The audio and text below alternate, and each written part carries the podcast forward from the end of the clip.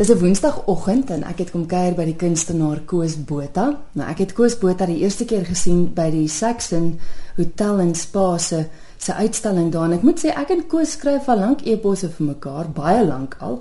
En uiteindelik dat ek vandag hierso in sy hemel op aarde kom kuier, is die ongelooflikste plek waar hy bly en hy het my op 'n toer gevat hier deur die bome en bosse en vir my gewys waar al sy verskillende werkstasies is.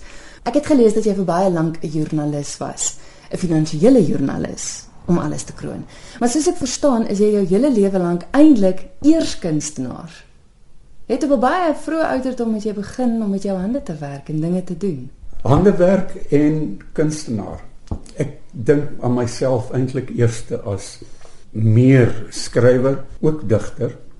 Ek het baie ek het goed geskryf waarvan Antjie Krog vir my gesê het nie een van jou gedigte is sentimenteel nie. Al jou werk is sonder klisjées.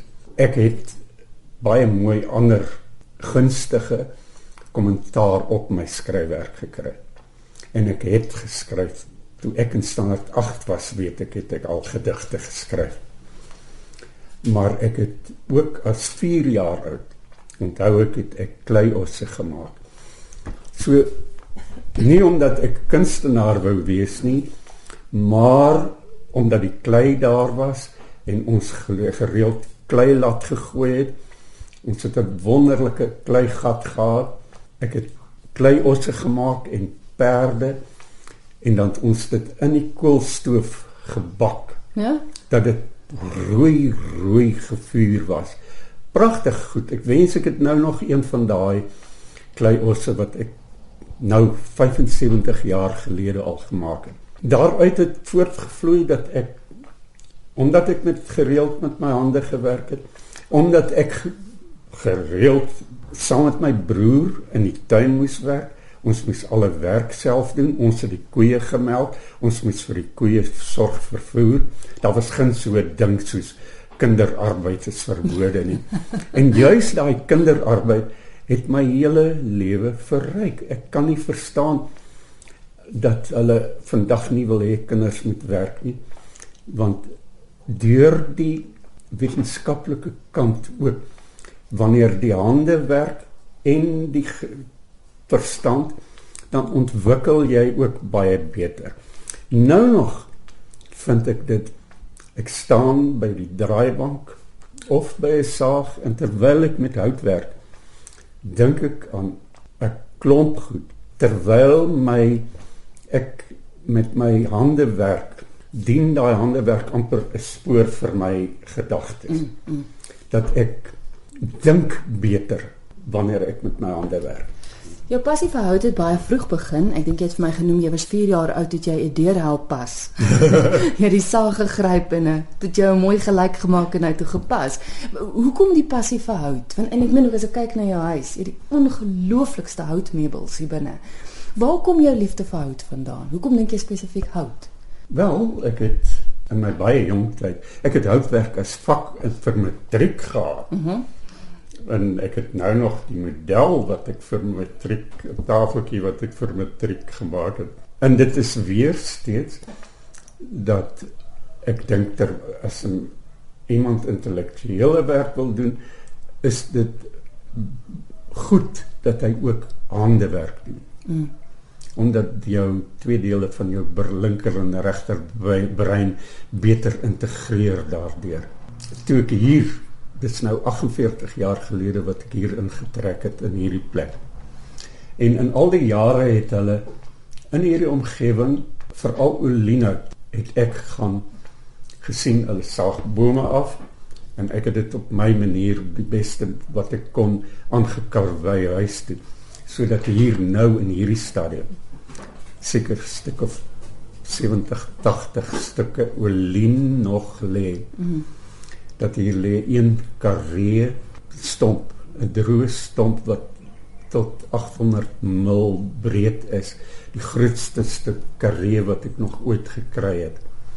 So ek kon net nie toelaat dat hierdie wonderlike inheemse hout in my omgewing en ook wat ek op die ashoop gekry het dat dit nie gaan nie dat dit daar vuur gemaak met word met die goed nie. Daarom lê hier pragtige stompe nog wat nog gesaag moet word en wat my steeds baie plesier gee.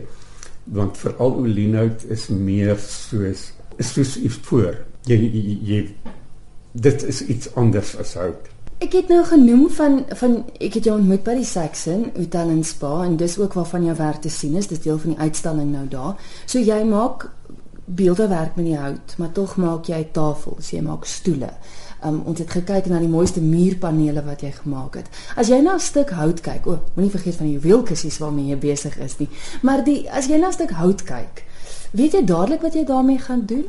Hier het stukke hout gelê vir jare.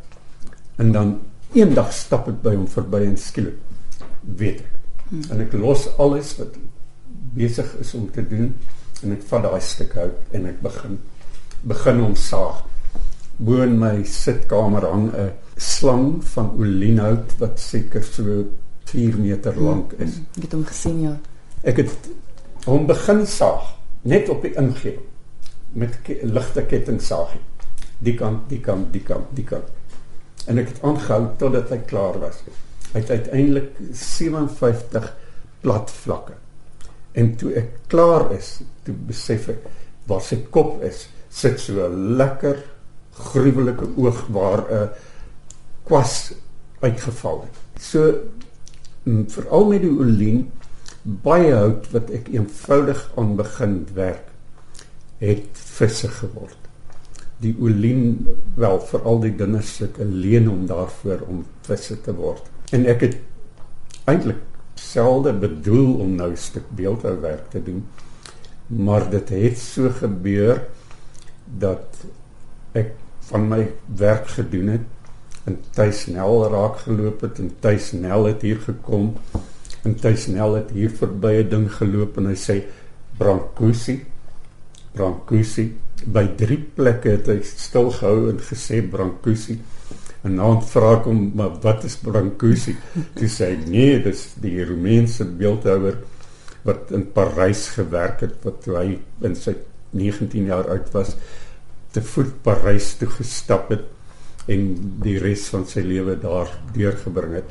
En is vandag nog baie van die goed wat ek maak is baie baie brankosierig. Maar dit is ongelooflike, dis eenvoudige lyne. Ek weet dis een werk in jou tuin ook.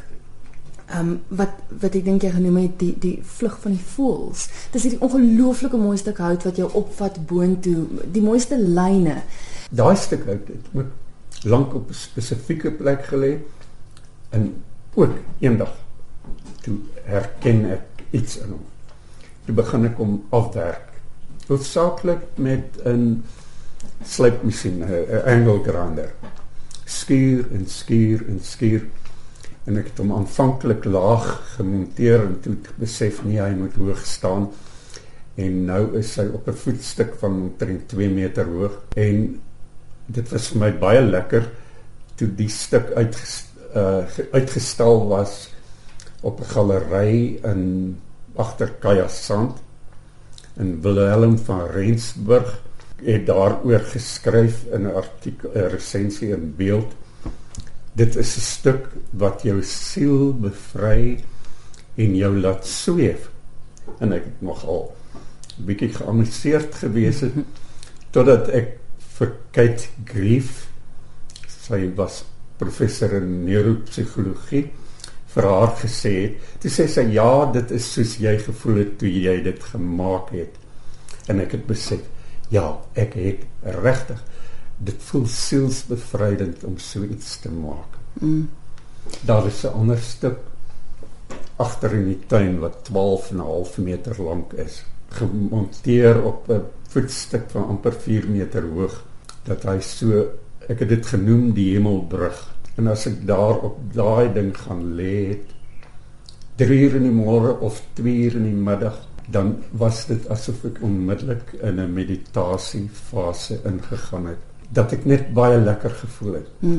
Ek wil luister as jy want jy klim met 'n leertjie op boontoe en dit lyk amper so so 'n stuk hout wat soos 'n glyplank afkom aarde toe, maar ja. jy lê nou daar bo op. Ja, ja, in die middel Hy gaan van so 'n meter hoog tot mm. sy hoogste punt is dan om 3.5 meter rond. En dan in die middel is hy tamelik breed. Dit bestaan uit 'n waggem bietjie stomp wat ek middeldeur gesaag het en toe sy twee dik punte aan mekaar vasgebou het met 'n baie stewige boute. En ook 'n stuk wat ek voel dit is sielsbevrydend om daar bo te gaan lê. Mm. En maar my hele lewe het ek tot die gevolgtrekking gekom dat al die beste dinge in my lewe het te doen met harde werklikheid. Die oggend in die oggend 5 uur is ek 4 uur soms as ek buite gaan sit en ek hoor die voëls kom en ek hoor deur is 'n tortelduif dan sit ek daar in 'n soort saligheid en dit gebeur ook met hout terwyl ek met die hout werk ervaar ek amper 'n eenwording soos wat iemand gesê het met die universele energie met die bewussyn van alles. Ek moet die mens kan sê ek jy word amper een met die godsbewussyn mm.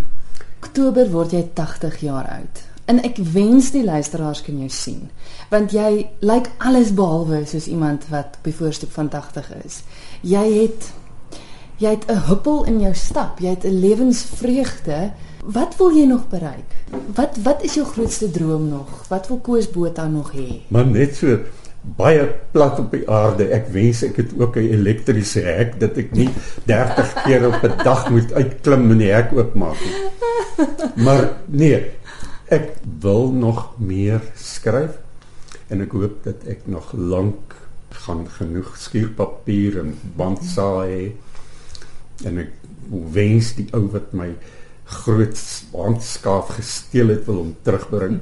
Want ek meen koes dis harde werk. Maar om met die houte werk is ongelooflike fisiese harde werk. Ja, want dit dit is tog die vreugde van die lewe om krag op te bou en dan krag te bestee om dit aan te wend en iets te maak en iets wat jy kan sien.